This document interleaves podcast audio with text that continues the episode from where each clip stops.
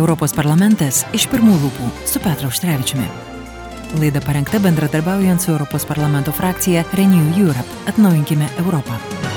Sveiki, bičiuliai, studijoje prie mikrofono Liudas Ramanauskas. Štai vakar ES šalių lyderiai sutarė dėl kandidatės į bendrės statuso suteikimo Ukrainai ir Moldovai. Galima sakyti, istorinis momentas, ko gero, ne tik šiom šalim, ypatingai Ukrainai, bet ir visai Europai. Apie tai ir ne tik šiandien mes kalbame su europarlamentaru Petru Užtrevičiumi. Labadiena, gerbiamas Petrai. Gerą dieną visiems. Be jokios abejonės, Joninės Lietuvoje liepsnoja laužai, bet kitokie laužai liepsnoja Ukrainoje ir vakar dienos istorinis žingsnis, ko gero, tai ne tik Ukrainai ir Moldovai, tai ir pačiai Europos Sąjungai. Kaip jūs galėtumėte įvertinti tą dabartinę situaciją 121 karo diena ir tikiuosi, kad tai po sudėtingo skrydžio jau sugrįžote į Lietuvą. Na, iš tiesų, sunku matyti apsakyti tą visą e, momentą, kurio e, liudininkais mes esame. Iš tikrųjų, šis Europos e, Sąjungos sprendimas žymi labai daug svarbių dalykų.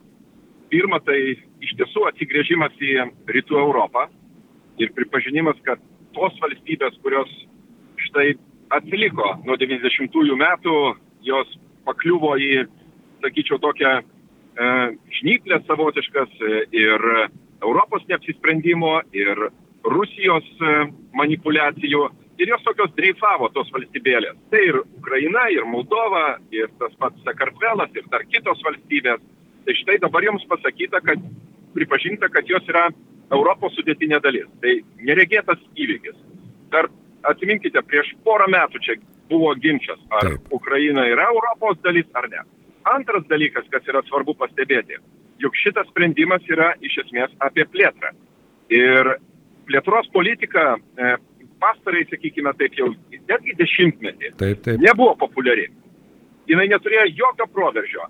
Ir čia mes jau kalbame apie vakarų Balkanų valstybės, todėl aš tikiuosi, kad šiandien toj diskusijoje Europos vadovų taryboje bus e, paskatinimas ir imtis ryštingesnių žingsnių e, rytų, atsiprašau, vakarų Balkanų valstybių atžvilgių. Todėl, na, labai gerai, kad e, tokio, aš sakyčiau, neapibriešto geopolitinio momento aplinkybėmis ES vis dėlto pripažįsta, kad reikia imtis na, sakykime taip, ne klasikinių e, sprendimų. Taip. Reikia atsibusti ir žengti į priekį.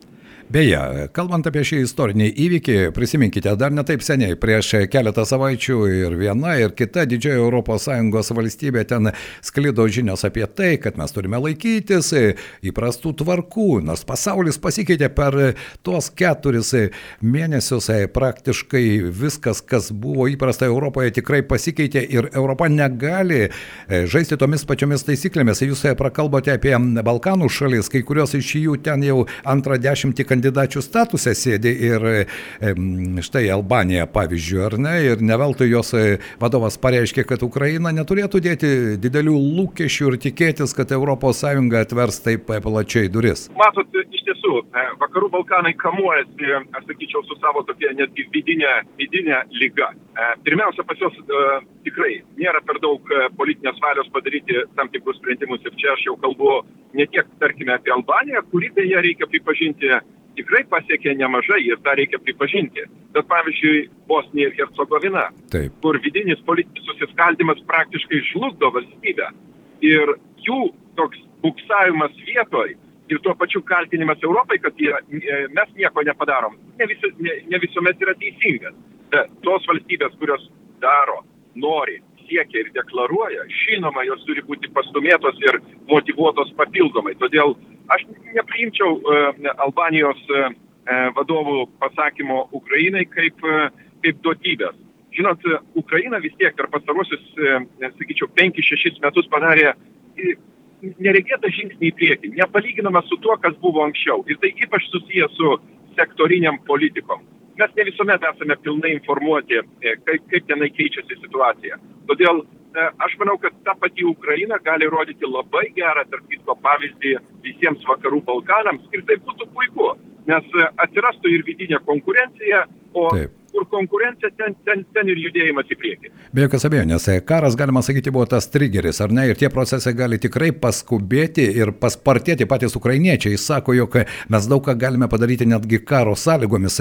Ir e, jūsų nuomonė vis dėlto, kiek karas kaip vektorius iš tikrųjų suvaidino e, Europos vadovų tarybos sprendimą vis dėlto netidėlioti, nežaisti pagal tas senas taisyklės, o tą sprendimą priimti dabar. Aš suprantu, kad tai metų galbūt ilgo kelio pradžia. Jūs pats buvote Lietuvos dėrybininkas, dėrėjotės dėl visų sąlygų stojant Lietuvai į ES, puikiai žinote tą visą mechaniką. Aš manyčiau, kad e, nereikia slėpti, kad e, geopolitinė situacija suvaidino lemiamą vaidmenį. Ir labai gerai. Jos negalima paneigti. E, bet pažvelkite į Europos komisijos pateiktą nuomonę, kuri yra objektyvi, beje, labai ekspertiškai, e, sakyčiau, korektiškai surašyta, e, tikrai geras tekstas ir pateikia labai, e, sakyčiau, palankes išvadas tiek Ukrainai, tiek, tiek ir Moldovai. Tai geopolitika suveikia, bet pripažinimas, kad e, atliktos, e, atlikti tam tikri namų darbai, einant reformų keliu, taip pat yra nepaneigiami. Bet štai va Sakartvelas, taip. kuris daugeliu, daugeliu atveju buvo, na sakykime taip, E, dažnai pirmaujanti valstybė, jūs pažiūrėkite, kaip jie susimovė finišo tiesiojoje. Grinai dėl savo politinės polarizacijos, ginčių, bandymų manipuliuoti žiniasklaidą ir panašiai. Tai yra labai gera pamoka visiems, kad mes pastebime tuos dalykus, kurie atrodytų nevaidina e, tokio vaidmens didelio. Tačiau, e, sakykime taip, e, visuomenės e, būsenės, būsenai, demokratijai, kuri vis tiek yra pagrindų pagrindas einant link Sąjungai, tai yra, na, sakyčiau, taip lemiamas veiksnys. Ir labai gera pamoka visiems mums Taip, e, ne veltui, ko gero, ir Sakartvelo prezidentė Salomės Dorobešvilį iš karto po to sprendimo pareiškė, kad dabar mes turime labai ryštingai dirbti. Tai irgi gali būti postumis. Na, e, ko gero, Petrai, sutiksite su manimi, kad iš esmės tie vidiniai procesai, kurie vyko ir Sakartvelė, na, nebe Rusijos vienokios ar kitokios įtakos, e, pačios įvairiausios, kalbant apie vidinį politinį gyvenimą, baigiant ir ko gero ekonominiais spaudimais ir visų kitų. Juk Sakartvelas taip pat ir teritorijos dalį neteko, na ir tas nejaukumo jausmas, ko gero, ten taip pat vyravo pastaruosius metus. Liūdai, net, net ir paneigti būtų sudėtinga tuos dalykus. Žiūrėkite, Rusijos karas prieš Ukrainą tai yra viena įtakos formų. Bandymas paversti Ukrainą vėl vasalinę valstybę. Taip? Bet yra labai daug būdų, kaip jūs teisingai paminėjote, dezinformacija, E, vidinis politinis manipuliavimas, e, ekonominiai svertai ir panašiai, kas buvo pritaikyta Sakartvelui labai labai plačiai. Blogiausia, kad e, kai kurios politinės partijos ir veikėjai Sakartvelė ėmėsi šito vaidmen ir juos įtraukė tas žaidimas ir jie dabar jau tapo, na sakykime taip, nekontroliuojantys situacijų. Tai čia yra dar kartą perspėjimas, kad Rusija tikrai nesisako savo e, politikos e, įtakoti kaimynus ir e, paversti, bandyti paversti juos vasalais. Tačiau, na žinot, e, politikai tam ir yra išrinkti, kad e, reikiamų momentų jie padarytų teisingus sprendimus prie nacionalinius interesus ir nebandyti žaisti, ten a, aiškinti arba kitaip a, dėlioti tas kortas, kad, žinot, ir vieniems būti geriems, ir kitiems. Čia yra istorinis pasirinkimas. Be jokios abejonės. Beje, kalbant apie vidaus politiką ir e, Petrai tikrai nenoriu palikti temos, tai yra Rusijos gazdinimai Lietuvai, tai yra ir suvalkų koridorius, tai yra ir diskusijos, kurios pradėjo virti ir Lietuvos parlamente. Iš karto atsirado norinčių padiskutuoti tą temą, kaip jūs te, galite įvertinti dabartinę tą situaciją, tuos gazdinimus. Nuomonių yra pačių įvairiausių, vieni iš karto puola alarmo varpai skambinti, kiti bando į tai žvelgti kiek racionaliau. Kokia jūsų pozicija? Matot, mes esame liudininkai, kuomet e, Rusija tikrai išskyrė Lietuvą šiuo metu ir mes žinom kodėl. Mūsų parama Ukrainai yra nesviruojanti, tvirta ir ilgalaikė. Ir Rusija pasinaudojo štai šituo ketvirtuoju e, sankcijų paketu, sukėlė, aš sakyčiau, tokią e, isterinę, isterinę propagandinę, propagandinę ataką informacinę prieš Lietuvą.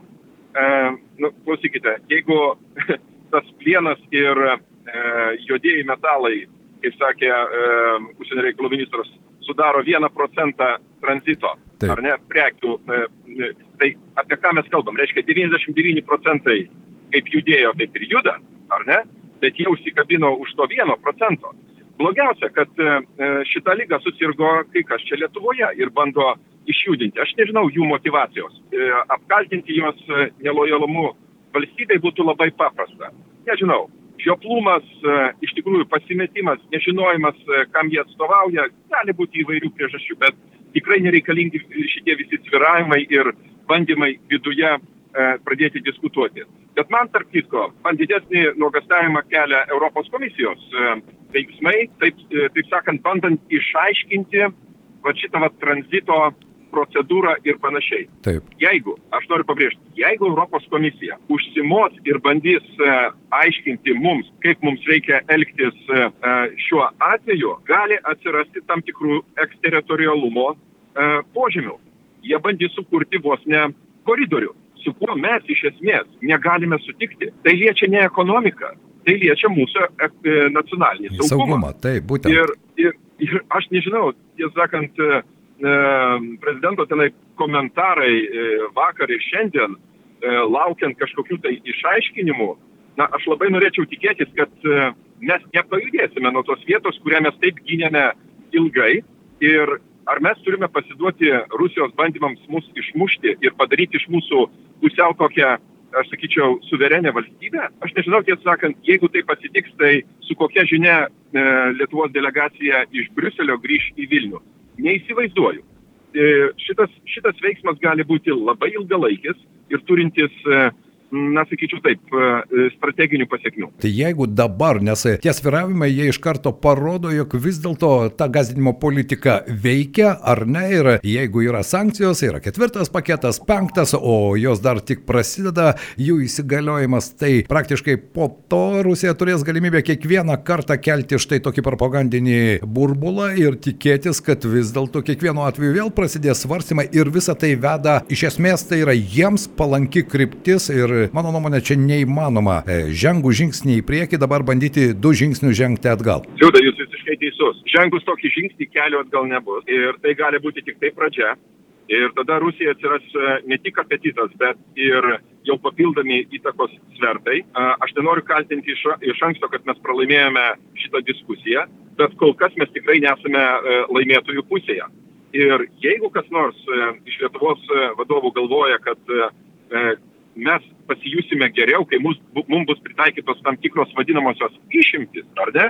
Ir sukurti, sukurti papildomi pranašumai Rusijos pusiai, aš nežinau, kaip tai paaiškinti, kaip E, rezultatą, kuris yra geriausias Lietuvai. Mūsų pašnekovas buvo europarlamentaras Petras Auštrevičius, tikėkime, kad vis dėlto tų žingsnių atgal nebus. Štai šiandien Kievė atidaroma paroda, kurioje žuvusių žurnalistų nuo Rusijos invazijos pradžios žuvo 8 žurnalistai, 16 dar buvo sužeisti ir be jokios abejonės karo mes negalime pamiršti ir galvojant ko gero apie vienokius ar kitokius Lietuvos sprendimus, mes turime galvoti ir apie tą bendrą kontekstą. Karas vyksta toliau ir aš ne nebejoju, kad vasarą visi nori atostogauti, bet tu negali pabėgti nuo realybės.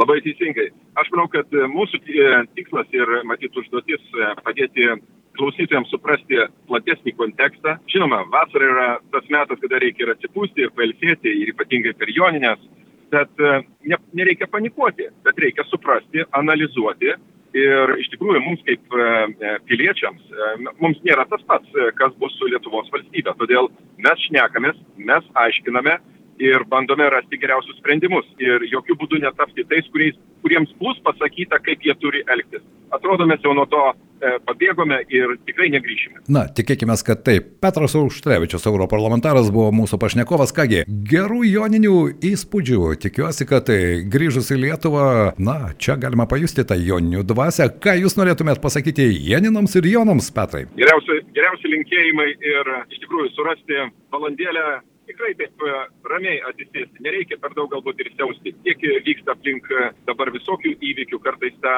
gera, rami būklė, e, atsisėdimas, pabuvimas su, su, su šeima, su draugais, bet nereikia per daug galbūt siausti, nes palinkėčiau ramių jonį. Ačiū Jums, dėkui. Tai buvo Petras Auštrevičius, mūsų pašnekovas. Europos parlamentas iš pirmų lūpų su Petru Auštrevičiumi. Laida parengta bendradarbiaujant su Europos parlamento frakcija Renew Europe. Atnaujinkime Europą.